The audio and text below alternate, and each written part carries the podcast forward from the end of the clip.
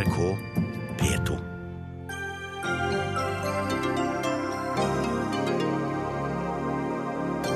Tre kvarter langt intervju med islamist skapte storm på sosiale medier. VG møter kritiker til debatt. På tide å diskutere en enstatsløsning i Midtøsten, sier tidligere utenriksminister Espen Barth Eide. Tostatsløsning er det eneste realistiske, svarer Jan Egeland. Første skoledag og streik. Vi samler partene for å finne ut hva som skal til for at lærerne går tilbake til arbeidet.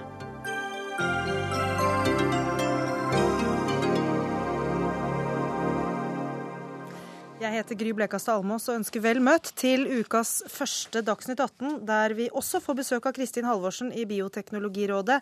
Hun vil forby gensnoking. Men aller først et lite klipp fra helgens Amandaprisutdeling. Den beste norske kinofilm. Tusen ganger god natt! Takk. Jeg vil bare få si veldig raskt. eh, Så høyt nivå som det er i år, eh, så er det fantastisk å få denne prisen. Og denne filmen er laget på den forrige regjeringens kulturbudsjett.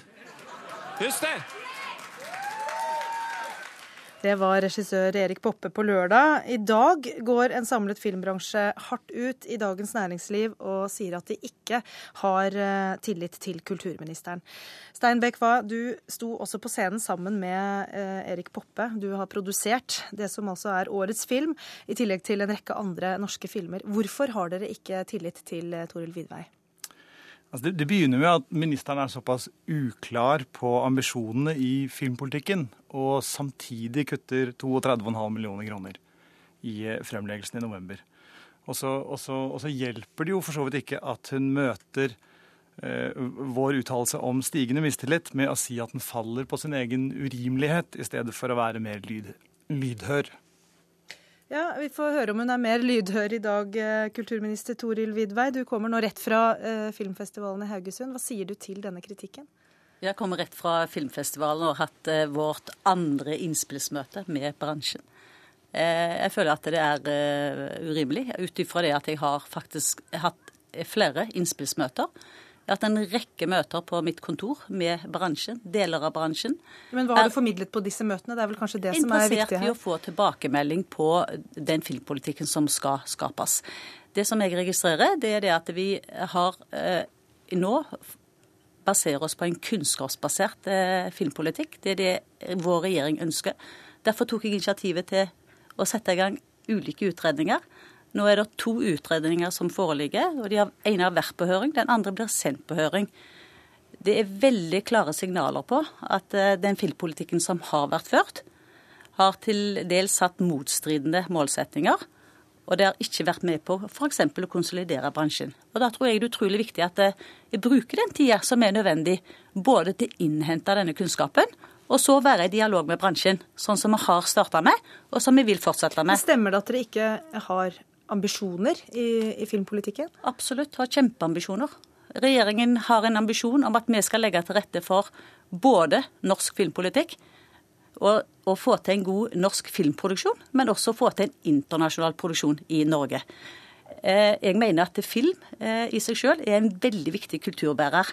Jeg vil være med på å legge forholdene til rette for at vi faktisk skal få en enda bedre filmpolitikk i årene som kommer. Er det dere som har misforstått, da?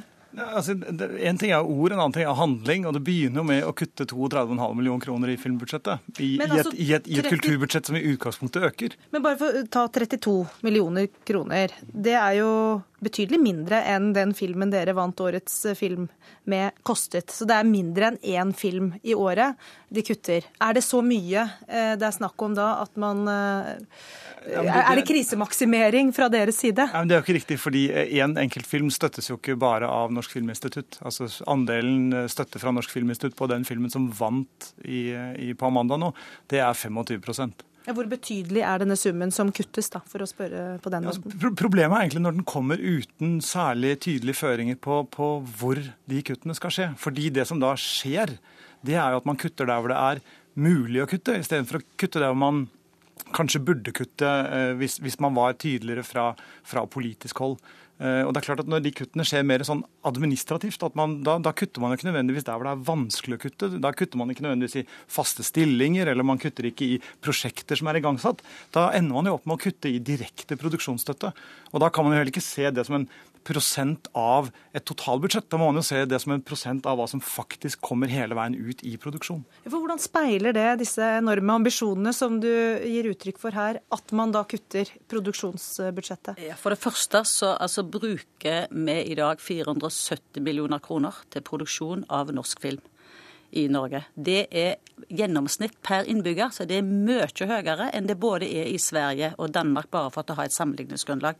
Min ambisjon er at vi skal ha et høyt offentlig eh, forbruk eh, på produksjon også for norsk film i årene som kommer. Og det skal vi være med på å legge forholdene til rette for. Det som Denne rapporten som jeg har mottatt i dag, viser at det, med den politikken som har vært ført, f.eks. med at det skulle være mål på hvor mange antall filmer vi skulle ha, det har ikke vært noen god politikk. Det har faktisk vært med på å bidra til at man ikke har klart å få lønnsomhet nok i de filmene som eh, for produksjonsselskapene som har vært med på å produsere de. Så jeg mener her er det, det er ikke grunnlag for å, å si at det kuttet skal være med på å, å si at indikere at vi har en manglende ambisiøs målsetning om god filmpolitikk i årene som kommer. Først og fremst vil jeg si at Det som indikerer at regjeringen har en manglende ambisiøs holdning, er jo det at jeg, jeg, hører ikke hva den ambisjonen faktisk handler om. Det hørte jeg fra den forrige regjeringen. Det var ganske tydelige og klare målsetninger om hva man ville med filmpolitikken. Um, uh, og, ja, men, men, la oss prøve ja. nå, da, Vidvei. Kan du være tydelig på hva du vil med, med filmbransjen i Norge? Absolutt. Jeg vil ha, være med på å legge forholdene til rette med at vi får en god høy kvalitet på norsk filmproduksjon i årene som kommer. Så høy kvalitet heller enn flere filmer, f.eks.? Absolutt. Mm. Det viser, Vi har jo gitt signaler på at det ikke er et det er ikke viktig for meg å ha et måltall, at det skal produseres 25 filmer i året. Og det har jo nå vist seg med den rapporten som kom i dag, at det å ha et måltall, det er jo noe som rapporten konkluderer med. At de sier at det bør reduseres eller fjernes. Det er ikke noe god, et godt mål å konsentrere seg om. Så høy kvalitet, men er det også eh, et mål at filmene skal være lønnsomme? Jeg tror det at vi må eh, både få filmer som er lønnsomme, men jeg tror også vi må innrømme at det er filmer som vi skal ha en produksjon på som faktisk ikke er lønnsomme. Men jeg har forstått det sånn at bransjen også ønsker en større konsolidering av bransjen. Og jeg mener at virkemidlene må også være med på å legge forholdene til rette for at vi får til det i årene som kommer. Det har den politikken som har vært ført til dags dato, motvirka. Og det vil jeg gjerne ha en dialog med bransjen på, at vi kan få signaler på hva de mener som er viktig for å kunne få det til i årene som kommer. Nå snakker vi jo fort om veldig mange ting, men, men, eh, men for å begynne med det med, med målsetting om antall filmer, så er det klart at den forrige regjeringen hadde en, en, en ambisjon om 20-25 norske filmer i året. Eh, så laget man også en støtteordning som gjorde det mulig å lage film utenfor eh, forhåndsstøttesystemet. Altså at man kunne lage en film og sjanse på at den, at den, fikk et publikum, og da kunne man få støtte i etterhånd, såkalt etterhåndsstøtte. Eh, det det er jo noe som har gjort at det har blitt mer enn 25 filmer. Det har vi liksom et år hatt 40 også, filmer. Nå hører du også at målet her er å ha høy kvalitet i de filmene som produseres, uh, uten at det nødvendigvis settes et antall filmer. Er ja. ikke det en tydelig målsetning? Jo, det kan det være. Eh, men jeg hører også at kulturministeren sier at, at, eh, at det generelle kulturbudsjettet, de generelle kulturambisjonene handler om, om grasrot, at det handler om nedenifra og opp, at det handler om maktspredning. Eh, det er veldig mange av de ordene, de stikkordene som, som, kulturministeren har i forhold til kulturpolitikken generelt, som er veldig vanskelig å forstå i lys av, av uh, den filmpolitikken som vi eventuelt diskuterer nå. Og, og, jeg er også litt nysgjerrig på hva konsolidering egentlig betyr. Om det betyr at, uh, at, vi til slutt skal være noen få produksjonsselskaper som eies av et svenskt eller et dansk konsern, eller om det betyr noe annet. Når det gjelder det siste, så eh, vil jeg gjerne ha en debatt med dere. Det er veldig viktig for oss å få innspill på dette. Det er derfor vi arrangerer disse innspillsmøtene. Men hva mener du når du snakker om konsolidering? Ja, det, det, er derfor vi inviterer til disse møtene og viser den rapporten som er kommet i dag, at det, har, det, er en utfordring at man ikke har klart å få til den konsolideringen som den forrige regjeringen sa de skulle få til. Når det gjelder i forhold til dette med maktspredning, så merker jeg det i dag på den rapporten som ble fremlagt, at de mener det bør være mer av midlene, produksjonsmidlene bør også legges ut eh, til de ulike regionene. De mener at det er deler av det eh, ansvaret som NFI har i dag, kan deles også ut til regionene. Det er åpenbart eh, noe som er med på å få til maktspredning at det er ulike sterke miljøer som er med på å skape, eh, legge forholdene til rette for å få til en god filmproduksjon i årene som kommer. Jeg hørte faktisk en annen tolkning av den samme rapporten i dag, men, men, men, eh, men eh, jeg har også skrevet det i kronikken min i, i, i DN at, at, det er jo ikke sånn at hvis man er kvinne i Bergen, så, så kan man ikke få tilgang på filmstøttemidlene som deles ut av Filminstituttet i Oslo. Så, så, så de, de, midlene som, som styres ut fra Oslo, de er jo like tilgjengelige for en filmprodusent i Bergen eller en filmprodusent på, på, på, på Hamar. det er jo ikke sikkert alle de som ikke har produsert like mange filmer som deg, føler det på samme måte. Kan hende de opplever at det er vanskeligere? Altså, jeg tror alle som ikke har produsert like mange filmer som meg, syns at det er vanskelig å, å, finne ut av hvordan man får filmstøtte. Men det, er jo, det, bare, det handler ikke om hvor man bor, det handler jo om hva man kan. Ja. Til slutt så må jeg bare spørre deg, Toril Vidvei, om hva du tenkte da Erik Poppe kom med den salven vi hørte innledningsvis her under Amandaprisutdelingen. Jeg tenkte det at, eh, eller jeg registrerer at eh, Poppe velger å konsentrere seg om eh, det som har skjedd, fremfor å være med på å bidra til at vi gir signaler og innspill til Men som kulturminister, du deler ut en pris, en, en, viktig, stor pris til han, og så er det det du får tilbake. Hvordan oppleves det? Nei, men Det må jeg bare leve med. At det er folk som da er misfornøyde eller har, gir noen negative signaler. Det, det tåler jeg, og det kan jeg leve med. Takk skal du ha, Toril Vidvei, som altså er kulturminister, og takk også til filmprodusent Stein B. Kva. Dagsnytt 18 alle hverdager klokka 18. På NRK P2 og NRK2.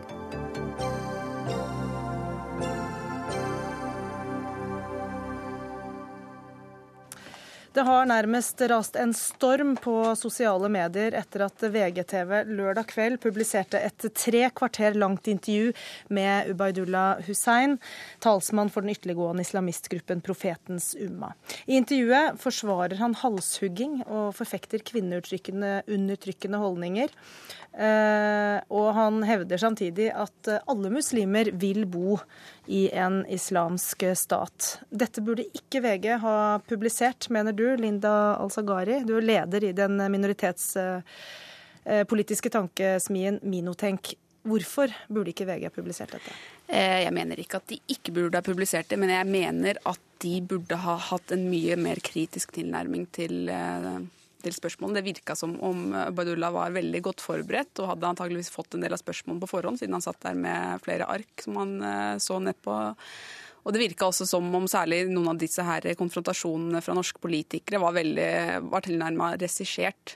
Så det jeg bekymrer meg for, er at når han får snakke så lenge som han fikk der, i 43 minutter, det er usedvanlig lang tid i et slikt format, så må han bli møtt med mye mer kritisk motbør enn det han ble i det intervjuet. Og det burde også ha vært eh, lagt opp til en mer sånn kritisk tilnærming.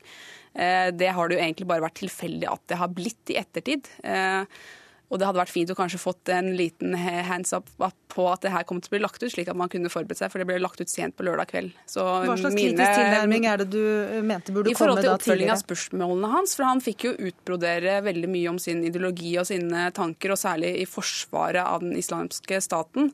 Og særlig dette her med hvordan han snakker om at han mener at, at han snakker på, for muslimer i Norge. Og Der burde journalisten ha konfrontert han med det at han gjentatte ganger har blitt veldig sterkt kritisert av både muslimske ledere og av muslimske organisasjoner, og at dette her på ingen måte er noe som muslimer flest i Norge står for. Hvorfor øh, mener du at det er viktig? Altså Hva er konsekvensen av at han ikke blir motsagt? Eh, det er veldig viktig både i forhold til dette her med rekruttering. Det er jo derfor eh, Ubatullah stiller opp til dette intervjuet. Og Det sier han jo også i intervjuet, at dette er en del av deres strategi for å vinne oppslutning rundt den islamske staten i Norge. Eh, og dette er et såpass alvorlig og særdeles ekstremistisk budskap at det her kan vi ikke ta lett på å bare selge oss inn for for å få flest mulig klikk. Tori Pedersen, ansvarlig redaktør i VG. Hva sier du til at du bidrar til å styrke den islamske stat eh, gjennom et sånt intervju? Nå er jeg litt, tvil, eh, eh, litt i tvil om det vil bli effekten, men jeg tror det er, det er, en relevant problemstilling av når man eksponerer ekstreme ideologiske oppfatninger i det offentlige rom, at det kan ha en smitteeffekt. Det mener jeg er på en måte en slags skyggeside av Nå er vel bare Gule og jeg som er så gamle her at vi husker at nynazistene slapp til på sparket i NRK i 1975, og da var på en måte den samme debatten. Men er det ikke da ekstra viktig å være til stede en... med kritiske spørsmål i et sånt intervju? Jo, nå, jeg, nå mener jeg kanskje at hun overdriver litt hvor få kritiske spørsmål det var. Men det er jo et, et par ting som er interessant. Han sier at han, han, får si at sivile ikke blir rammet i disse områdene. Enhver mediebruker som ser på ett TV-program i Norge eller leser en avis, vil skjønne at det er bare bambus. Så på en måte å la han få si det uten å avbryte han, kan ha en intervjuteknisk effekt. ikke sant? Og så er det jo selvsagt riktig at han på ingen måte representerer alle muslimer i Norge. Og Der syns jeg den debatten som har kommet i ettertid, har vært veldig god. og Dette kan Gule mer om enn meg, men for meg så illustrerer jo den spennvidden i det muslimske miljøet i Norge på en bedre måte enn vi har sett på lenge.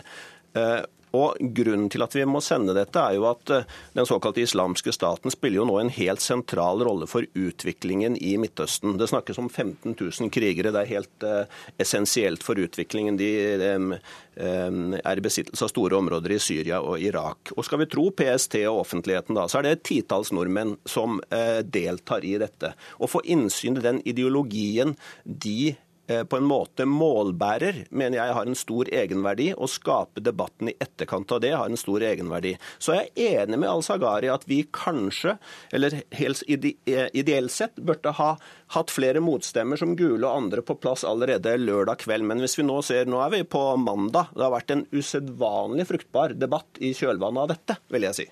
Men du, Al-Sagari, eh, skriver da i en kronikk som du kom i VG med etterpå, at nå har profeten Suma et manifest sponset av VG. Kan du forklare litt eh, mer hva du mener? Det jeg syns er veldig viktig for VG og andre medier å vite, er at eh, disse her bruker mediene i sin propaganda, altså i propagandaøyemed. Det er veldig viktig å vite hvordan de bruker det. Eh, og én ting er at disse her får en kjendisstatus når eh, vi observerer disse guttene komme på offentlige steder, som på en fotballturnering, eh, på f.eks. demonstrasjoner mot krigføringen på Gaza. Så blir disse her møtt av andre muslimske ungdommer med nysgjerrighet og fascinasjon fordi de har fått en så stor rolle i mediene. Det er det ene. Det andre er at du er inne på veldig mange alvorlige sider. altså Den islamske staten, at vi har en kontingent der nede. Ja, det er nettopp der derfor det her er så alvorlig. At det her er, eh, han eh, får lov å sitte og, og, og ufarliggjøre eh, en av de verste terrororganisasjonene i moderne tid. Og det er faktisk ikke sånn at blant mange muslimske ungdommer så tar de heller han faktisk for god fisk enn det de leser i norske medier. Nå skal vi snart slippe til Lars Gule også, men eh, Torje Pedersen har lyst til at du beskriver for oss litt hvordan den redaksjonelle vurderingen var i forkant av publisering av dette intervjuet. Altså nå eh, kjente ikke jeg til arbeidet som var gjort på forhånd. Men, det har du sikkert funnet ut av etterpå? Eh, ja, altså hvordan det har kommet i stand. Det jeg beflittet meg med, var at jeg så 43 minutter lørdag kveld før det gikk på luften. Eh, og da eh, syns jeg det mm, var høyst forsvarlig å, å, publisere det. Og så ga jeg beskjed om at det var viktig å få frem motkrefter i debatten, og å illustrere hva den såkalte islamske staten nå faktisk bidrar med der nede. Eh, og Eh, jeg mener det var en riktig publisering, og så er det alltid sjatteringer i all journalistikk. Skulle du ønske ønske etterpå at du hadde hatt noen av disse motforestillingene eh, litt tidligere på lufta? Ja, men jeg tror ikke, Det kan føres argumenter for det, men når vi nå ser debatten over den tiden som har vært de siste 48 timene, så mener jeg vi har hatt en bedre debatt enn på svært lenge. Både om islam om den islamske staten og om journalistikk. Og alt er viktig. Hva syns du om det, eh, Lars Gule? Du er altså forsker på ytterliggående islamisme. Hva, hva tenker du er, eh, har vært effekten eh, av å publisere dette? intervjuet her? Vanskelig å si på kort sikt, som forskere vil, vil, si. Vi må alltid vente litt for å kunne måle en, en effekt. Men rent prinsipielt så er utfordringen her å gi en plattform eller å være mikrofonstativ for ekstreme og hatefulle ytringer. Og det har skjedd i dette tilfellet. Og så er det en nyhetssak. og Derfor er det også viktig at dette blir eksponert. Og så er det å finne balansen, slik at man kan presentere nyheten, informasjonen, slik som Pedersen her sier, at, at dette, dette skal faktisk fram. Og samtidig så skal det konfronteres. Lykkes vi med det? Og det er eh, Ja, jeg vet ikke om VG tenkte nok igjennom hvordan man samtidig skulle eh, konfrontere. Men jeg er enig i at det, har blitt en interessant diskusjon, og vi har vel faktisk fått flere motstemmer, eh, ikke minst fra det muslimske miljøet, enn det vi har sett i andre sammenhenger. Så noe positivt har det kommet ut av det. Men det bekymringsfulle er at nå skal det altså ikke så veldig mye til før enkelte ungdommer, og vi snakker ikke her om veldig mange, men vi snakker om enkelte ungdommer, tipper over, trekkes inn i dette miljøet blir oppmuntret til Kanskje har de telt på knappene, og så ser de denne eksponeringen, og så bestemmer de seg for å reise til eh, Syria. Ja, tror du dette intervjuet eh, kan ha den effekten? Det kan kanskje være den utløsende effekten for enkelte personer. Det vet vi ikke. Det vil alltid være et problem når eh, ting publiseres som kan ha den eh, effekten. Eh, kan det også ha den motsatte effekten? At man eh, blir klar over hvordan man tenker i disse miljøene, og dermed på en måte avslører eh, noe av tankegangen bak? Det er også klart. Dette kan nettopp føre til at motstemmene blir hørt, og at noen som har tenkt, eh, også da lytter til, eh, til motstemmene.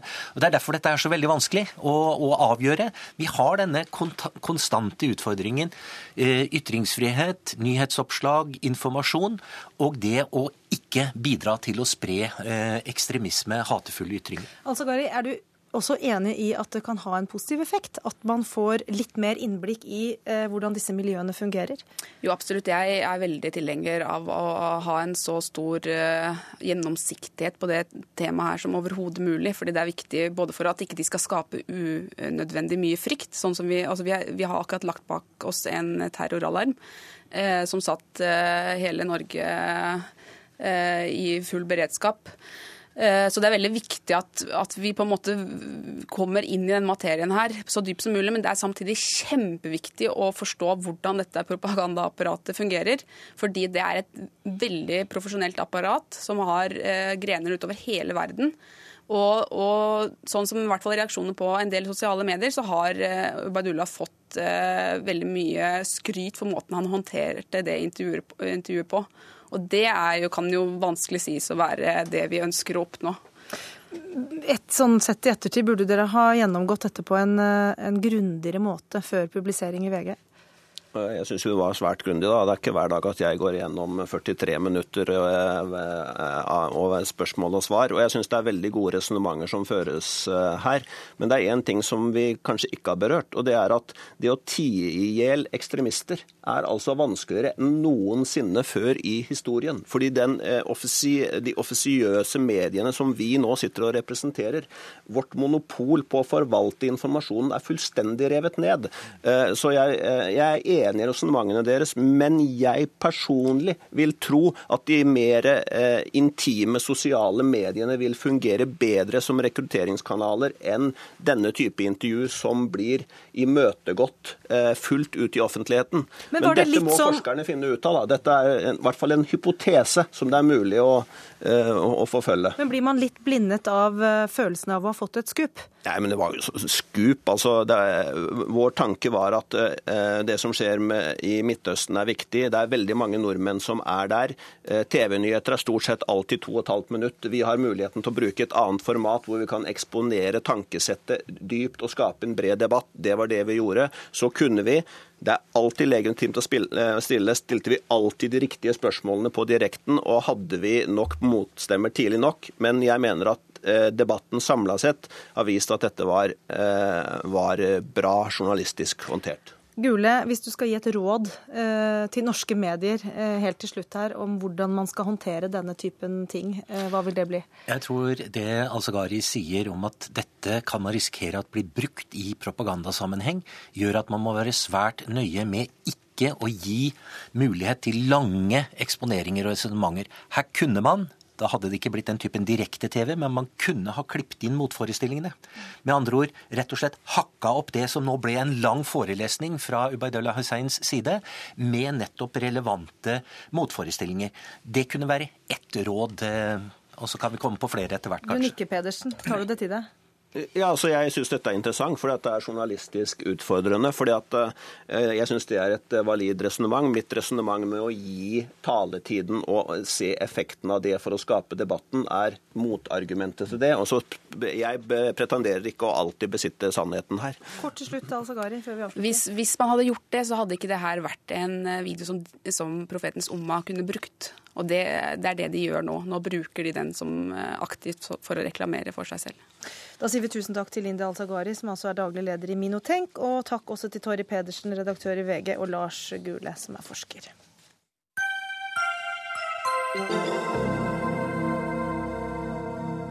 Det må nå være lov å diskutere om det er andre veier til en fredsløsning mellom Israel og Palestina enn den vi opprinnelig så for oss i 1993. F.eks. en eh, enstatsløsning for to folk med demokratiske rettigheter for alle. En enstatsløsning for Israel og Palestina foreslo tidligere utenriksminister Espen Barth Eide i Dagsrevyen i går. Det er jo et radikalt forslag, for alle forsøk på å få fred har de siste årene dreiet rundt det å etablere eh, en egen palestinsk stat i tillegg til Israel. Og Espen Barth Eide, du er jo nå da direktør i World Economic Forum og er med oss fra Sveits, eh, men inntil i fjor så var du utenriksminister for Arbeiderpartiet. Hvorfor mener du nå at mulighetene for en tostatsløsning ikke er der lenger?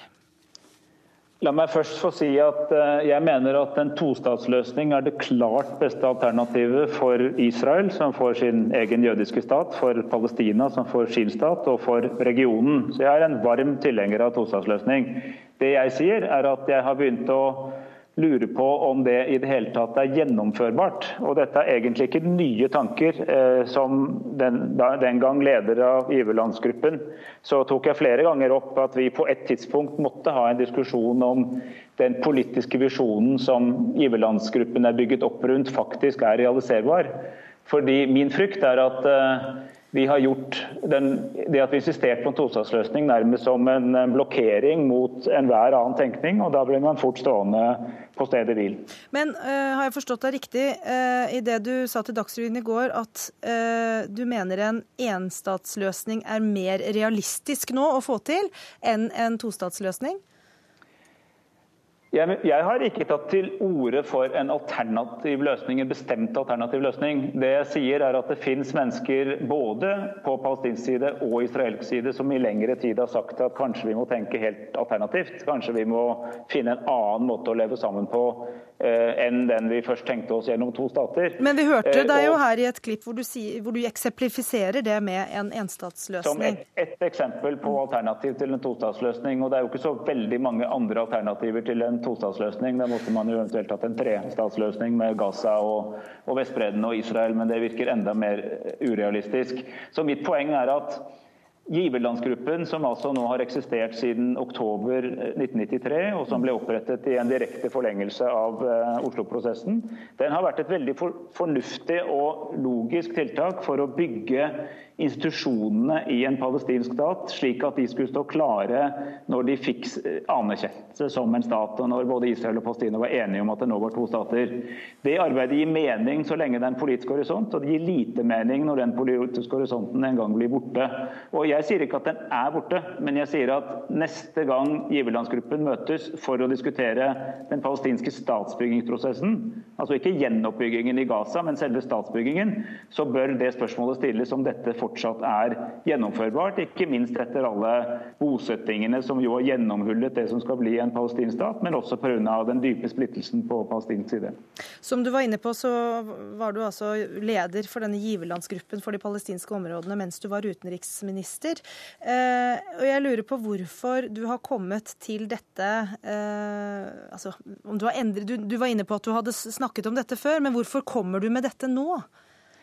Altså, I møtet for halvannet år siden, i mars i 2013, eh, altså i Brussel, så sa jeg også i en rekke intervjuer bl.a. med NRK at tiden var i ferd med å renne ut for tostatsløsningen. Det var veldig mange som også var enige om det. Det var en veldig dyster periode. Det var lite som tydet på at det skulle bli nye forhandlinger. Så ledet jeg også møte i september i fjor.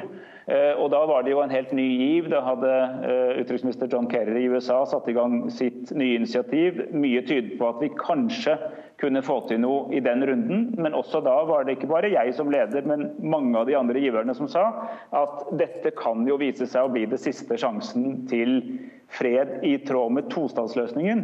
Fordi hvis ikke dette virker heller, da må vi tenke høyt om neste mulighet. Jeg opplevde at det var bred tilslutning til det fra, om ikke alle, fra mange givere som jo over lang tid har vært frustrerte.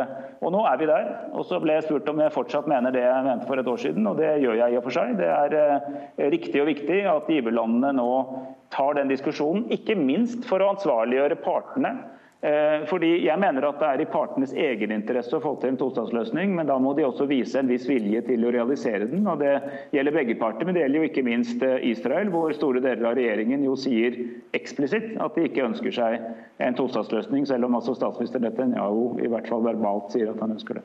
Men Kan du være noe mer konkret på hvordan du ser for deg at en eventuell diskusjon om en altså, hvor realistisk en enstatsløsning er, da, når man ser hvordan situasjonen er, eh, er der? Altså, det finnes jo en del land i verden hvor uh, to eller flere folk klarer å leve sammen. Så det er jo ikke slik at det aldri har skjedd. Nei, altså, men vi ser hvordan det er i Midtøsten akkurat nå, så ser det ikke veldig lyst ut. Det ser ikke veldig lyst ut uh, i Midtøsten i det hele tatt. Det ser faktisk dystrere ut enn på svært lenge. Og Det bekymrer meg sterkt at vi ikke har kommet lenger i retning av å få til en uh, tostatsløsning.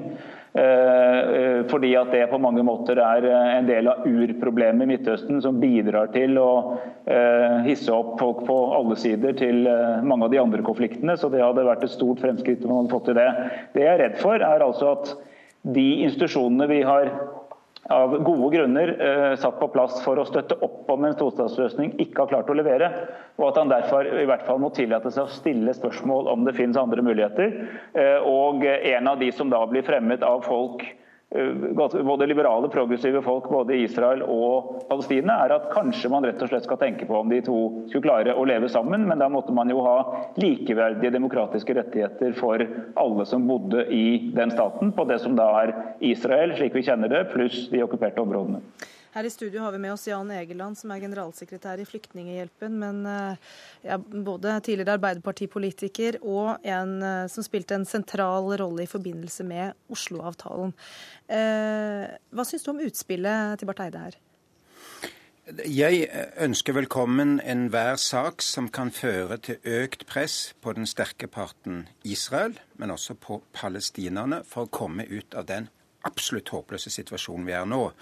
Og kanskje kan det å, å, å peke for, fram for Israel at fortsatt okkupasjon og kolonisering av palestinske land, det kan til slutt ende opp med én stat med et flertall av arabere. Altså Israel undergraver sin egen eksistens gjennom sin okkupasjon og sine, sine bosetninger.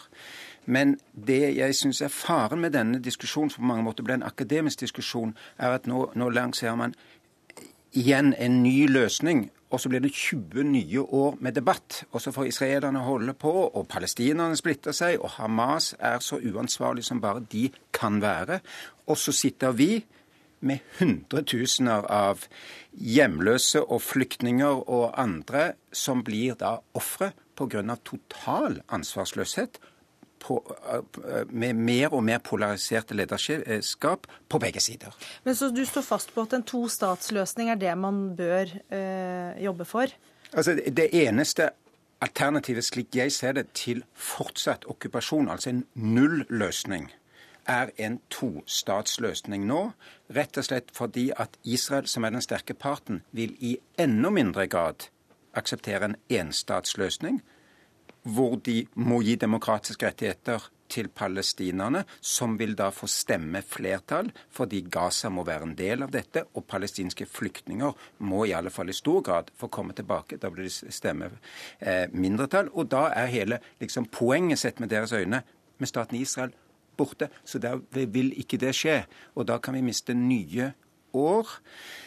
Og kanskje da at den neste presidenten ikke vil bli, gjøre enda et desperat forsøk. Det er tross alt krefter i USA som sier nå kan vi ikke la Israel få ture frem lenger som de vil. Vi, USA, venn til Israel, må legge press på Israel, og da er tostatsløsningen den muligheten. Men en taktisk effekt, mener du at dette utspillet Ja, Det, det, det kan ha den taktiske effekten, for, fordi at jeg, jeg mener også Israels venner, jeg er blant dem, må føle et ansvar for å fortelle Israel at det å dundre løs og ødelegge f.eks. nå i dette tilfellet altså 15 000 nye palestinske boliger til helt uskyldige, fattige palestinere. Det kan man ikke fortsette med. Rett og slett fordi det undergraver Israels sikkerhet fordi man avler ekstremisme. Du og jeg ville ikke bli særlig moderate av å se at vårt hus og bestemors hus gikk opp i flammer etter at vi da altså helt var uskyldige i forhold til det Hamas og Netanyahu gjorde.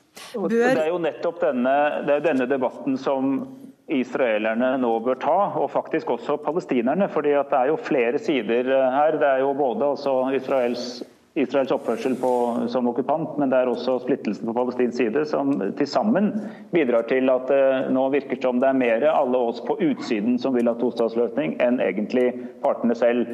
For Som Egeland så har jeg vært tilhenger av tostatsløsning i 21 år, og er det fortsatt.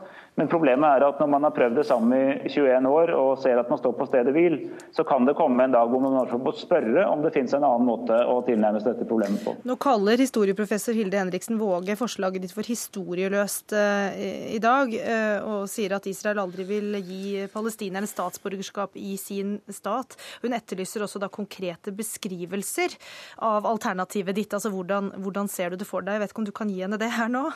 Altså, det er en misforståelse hvis det nå er oppfattet som at jeg foreslår eller går inn for eller tar til orde for en enstatsløsning. Det jeg sier er at det må være lov å diskutere alternativene til det vi ikke har lykkes med i 21 år. Men du sier samtidig at du altså ikke ser andre alternativer enn én stat, eventuelt tre stater, da?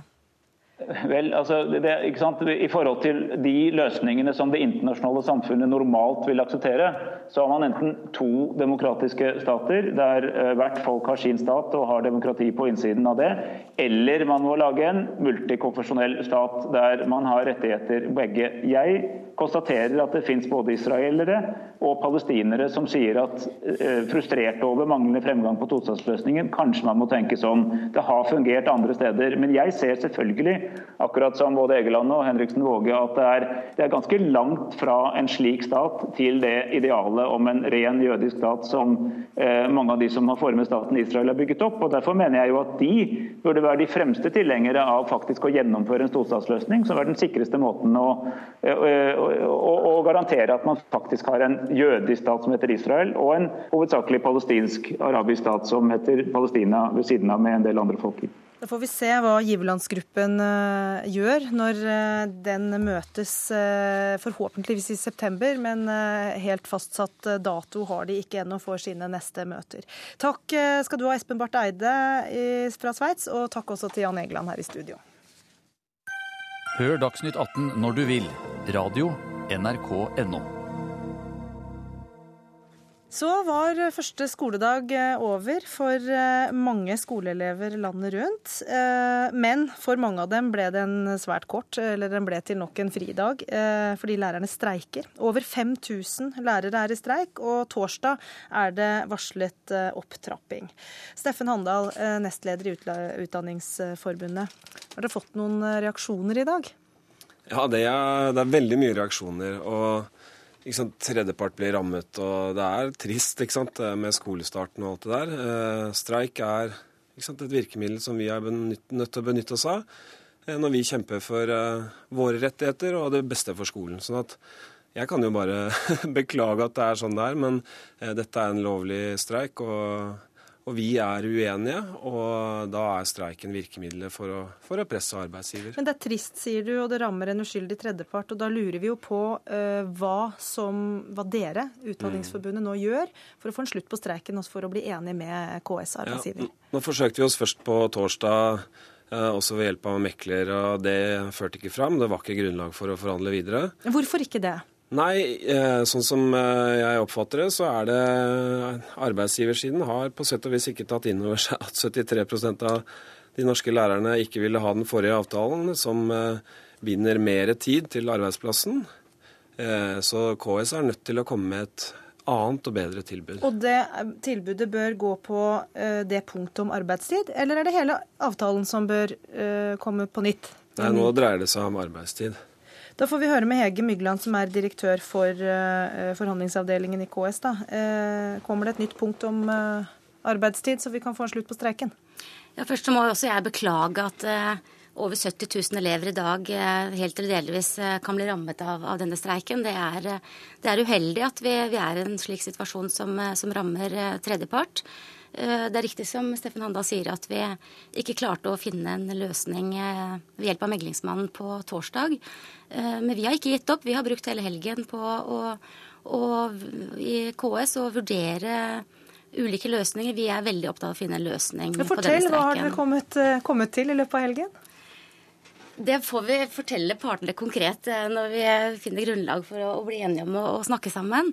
Men vi vet nå ganske mye mer om, om, hvor partene står. Jeg kjenner meg ikke igjen i bildet som tegnes her, at ikke KS har eh, tatt inn over seg eh, alvoret. Det er en eh, ganske spesiell situasjon at vi nå må sitte sammen og, og snakke om en avtale som vi var enige om. Eh, men som, eh, som læreren ikke støtter. Som læreren ikke støtter, ja. Og, men det er klart det er utfordrende at dette er, eh, dette er, ting vi var enige om. Vi har brukt åtte år sammen med Utdanningsforbundet, jobbet godt sammen. Fant ting vi var enige om var godt for norsk skole. Og tilstedeværelse er et av stikkordene vi, vi, vi ble enige om. for fordi vi mente at det er godt for norsk, norsk, skole og kan bedre samarbeidet i skolen. Ja, og Da lurer jeg på om uh, Steffen Handal kan være litt konkret på hva dere ønsker. Mm. Hvor mange timer skal dere være bundet til å være på skolen uh, mm. for at dere skal bli fornøyd? Eller hvor mange timer skal dere slippe å være bundet til skolen? Da? For det første har jeg lyst til å uttrykke en viss sånn frustrasjon over at det høres ut som norske lærere ikke er bundet til arbeidsplassen sin i det hele tatt. Eh, norske lærere har regulert arbeidstid som er ca. seks timer hver dag på eh, arbeidsplassen. Og det er også sånn at eh, vi har vært i dialog med KS om dette, og tilstedeværelsen er kjernepunktet. Ja, men Vær tydelig, da. på Hva, hva er det som skal til for at dere går tilbake i jobb? Ja, Bare forklare én ting først. Norske lærere samarbeider mer enn andre lærere i verden. Det er også sånn at norske lærere er bundet mer til arbeidsplassen enn alle andre lærere i Europa.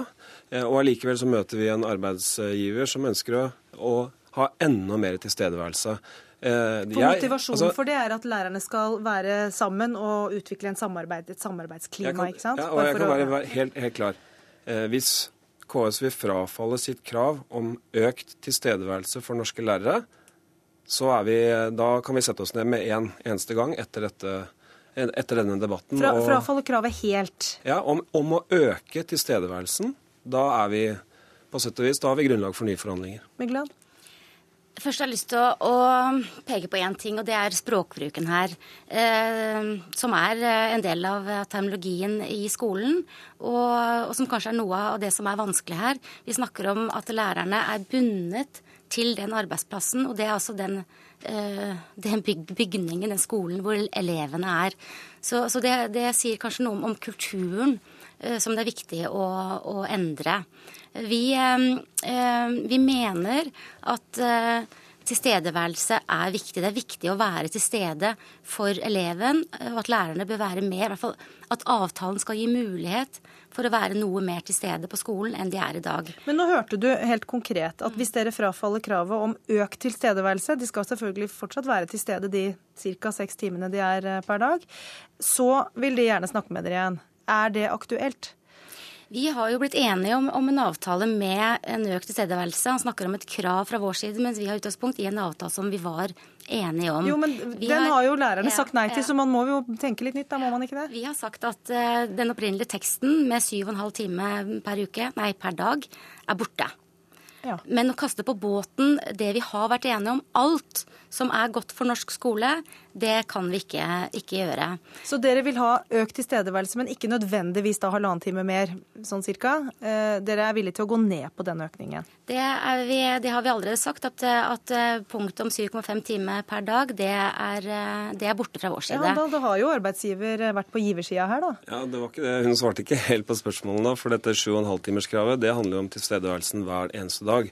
Eh, det jeg snakker om, er om de vil frafalle sitt krav om å øke tilstedeværelsen totalt sett.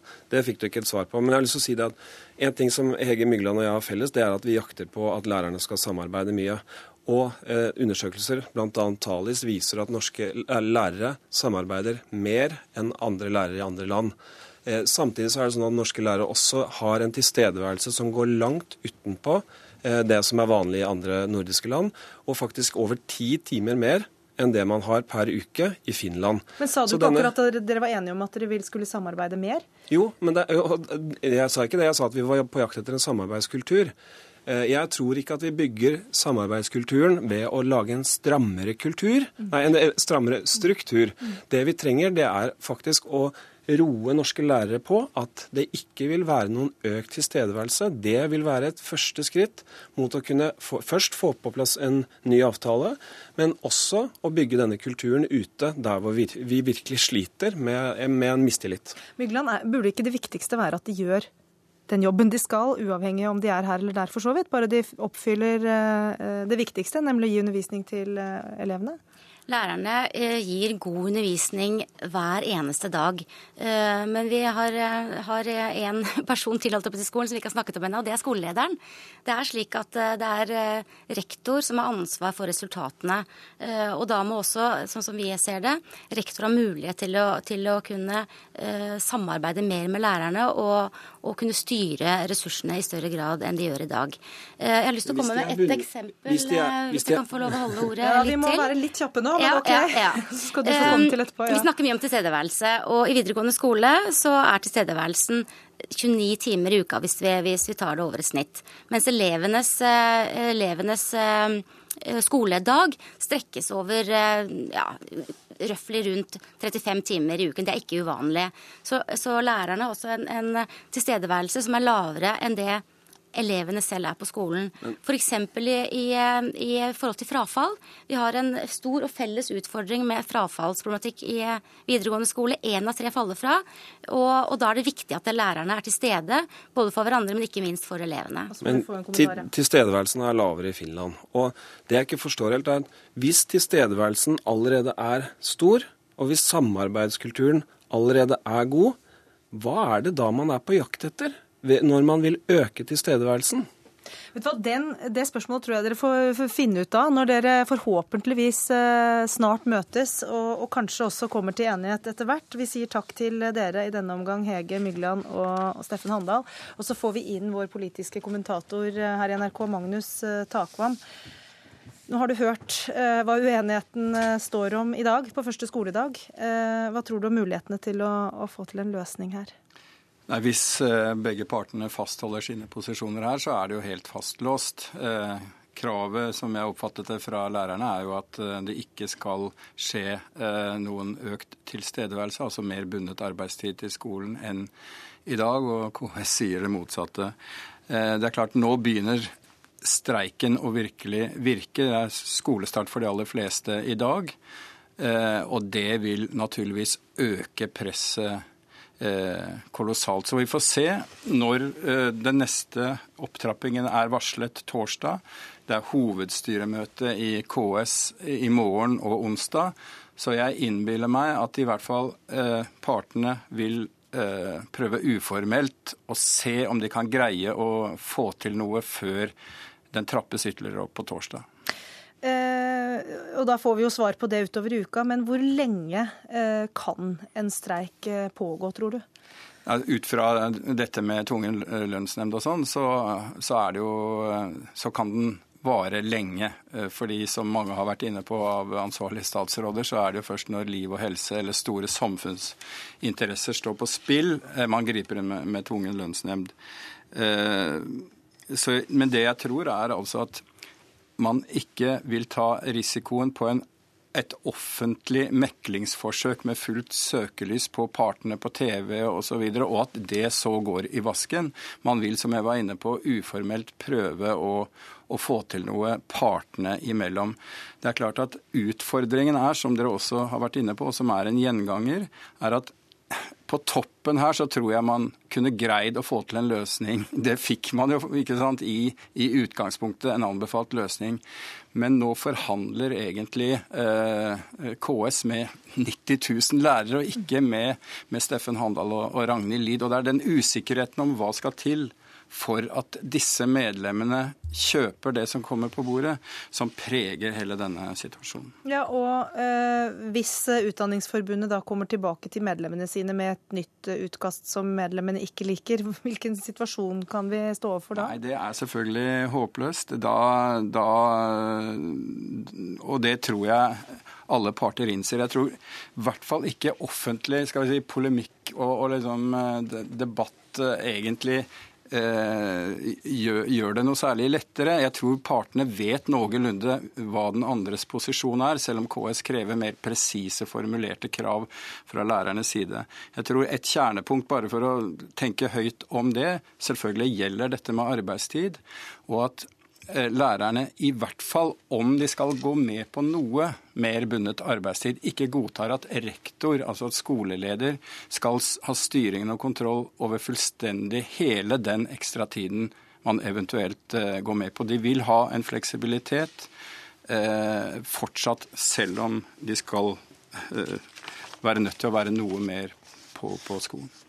Vi får se. Eh, første skritt er altså at styret i KS møtes eh, i morgen. Takk til Magnus Takvam.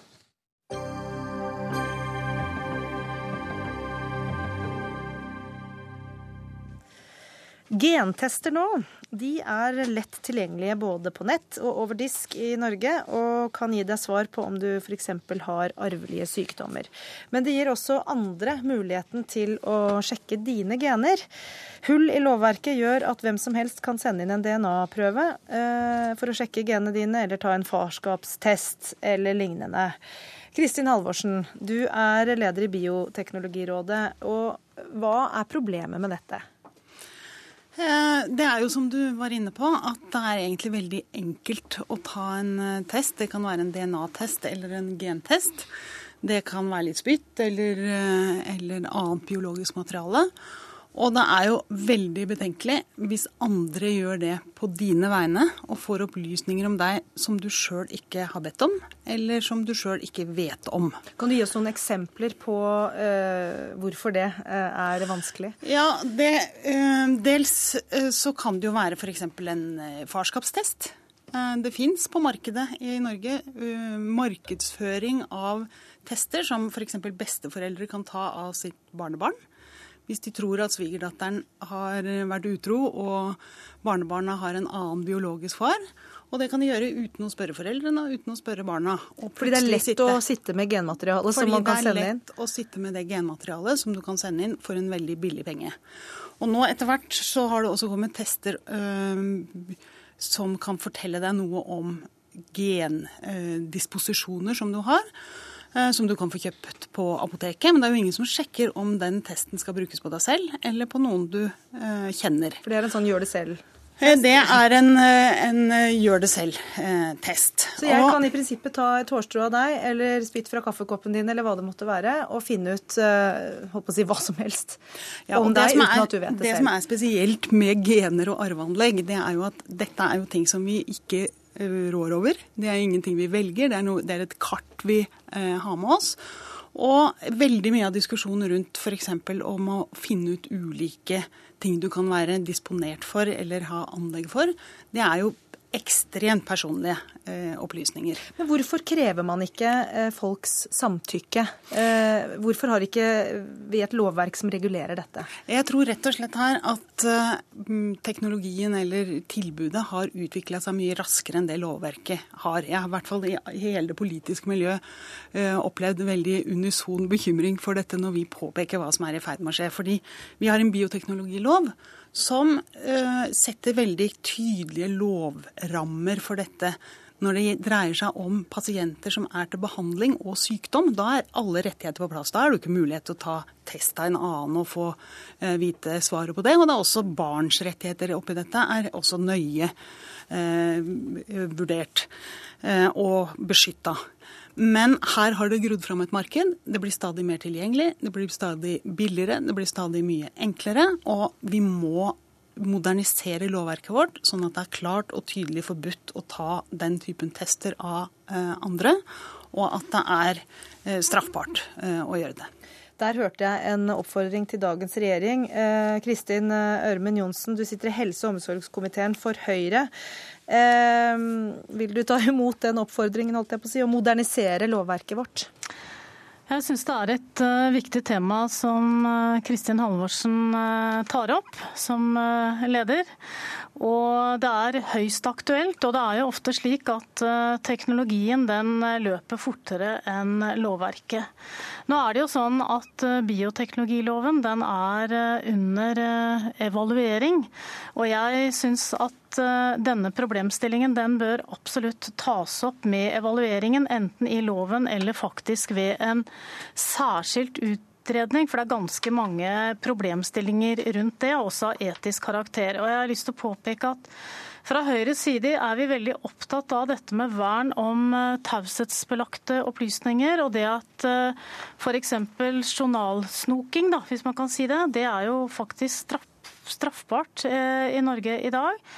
Og Derfor så er det viktig at vi får et lovverk som regulerer det. Og så har jeg også lyst til å si det at Eh, dette med eh, selvtesting. altså En del av de testene som også er, som ikke er DNA-tester, og det kan jo være litt forvirrende. Man kan jo teste seg også selv, eh, og da er jo samtykke fra en selv. Men det bør jo også gjøres i samråd med fastlegen. For det er jo sånn at man ikke kanskje helt tar konsekvensene av resultatene, mm. og at testene faktisk kan gi feil svar, faktisk.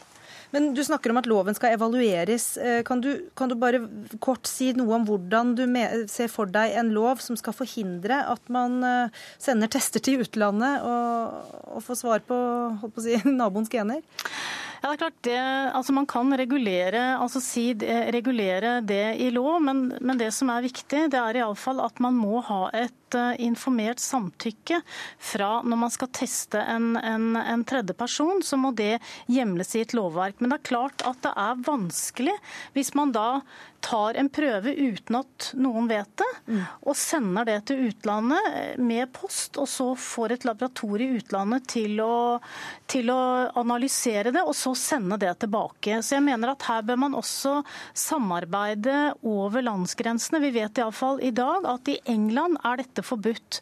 Men dette bør jo også løftes opp på et større nivå enn i Norge. For det er jo også noe som skjer, da. Da uh, skal jeg høre med Torgeir Micaelsen, som er helsepolitisk talsmann i Arbeiderpartiet. Uh, hvordan ser du på et eventuelt internasjonalt samarbeid for å få uh, en stopp på disse hullene i lovverket? Gjerne det, men jeg tror kanskje det er ganske langt fram og vanskelig. Så jeg ser jo fram til at vi kan få en diskusjon raskt egentlig i Stortinget om basert på noe som kan komme fra regjeringen. Fordi jeg er helt enig med Kristin Halvorsen at her har vi et godt eksempel på to ting. For det første er det i ferd med å skje en revolusjon. Altså Det kommer mye raskere. De har kommet mye lengre med eh, varianter av tester, av analyse rundt eh, bio- og ja, genteknologi. Som på mange måter jeg er veldig positiv til. Altså jeg mener at Her eh, syns jeg ikke vi skal snakke ned dette gjennombruddet. Jeg tror at bioteknologi, genteknologi, kan bli for menneskeheten det IT-revolusjonen var bare for et par tiår siden. Men det er selvfølgelig veldig mange ting som ikke er bra med dette, eh, og det bør reguleres. Og jeg tror at vi havner bakpå her, som vi har gjort en del andre spørsmål, eller på en måte gjennombrudd teknologisk eh, fra politikernes side. Og jeg tror vi har ekstra havnet bakpå her fordi dette er veldig mange etisk vanskelige spørsmål selv for forskerne. Men Ser du noen løsning på det? Hva man kan gjøre for å Jeg mener jo at det Kristin Halvorsen skriver på NRK Ytring i dag, om at uh, hvis det ikke er uh, hva skal si, lovhjemmel i dag til å straffeforfølge, eller at man ikke har et regelverk rundt uh, hvis man da ulovlig måte, tilegner seg ja, et hårstrå eller spyttprøve fra, fra, noen i familien, så bør det uh, altså det må vi ordne opp i. Uh, så det mener jeg er en, altså Selvsagt, jeg skjønner at det er et krevende lovarbeid og burde sikkert startet for lenge siden.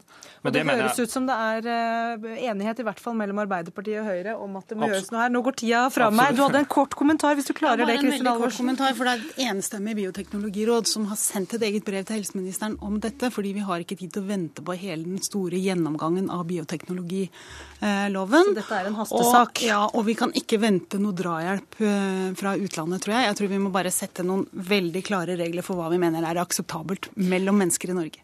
Jeg må avrunde der. Tusen takk skal dere ha, alle tre. Eh, dagens Dagsnytt 18 eh, hadde Bjørn Atle Gildestad ansvaret for.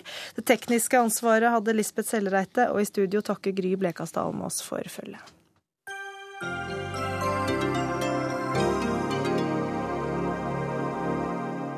Hør flere podkaster på nrk.no podkast.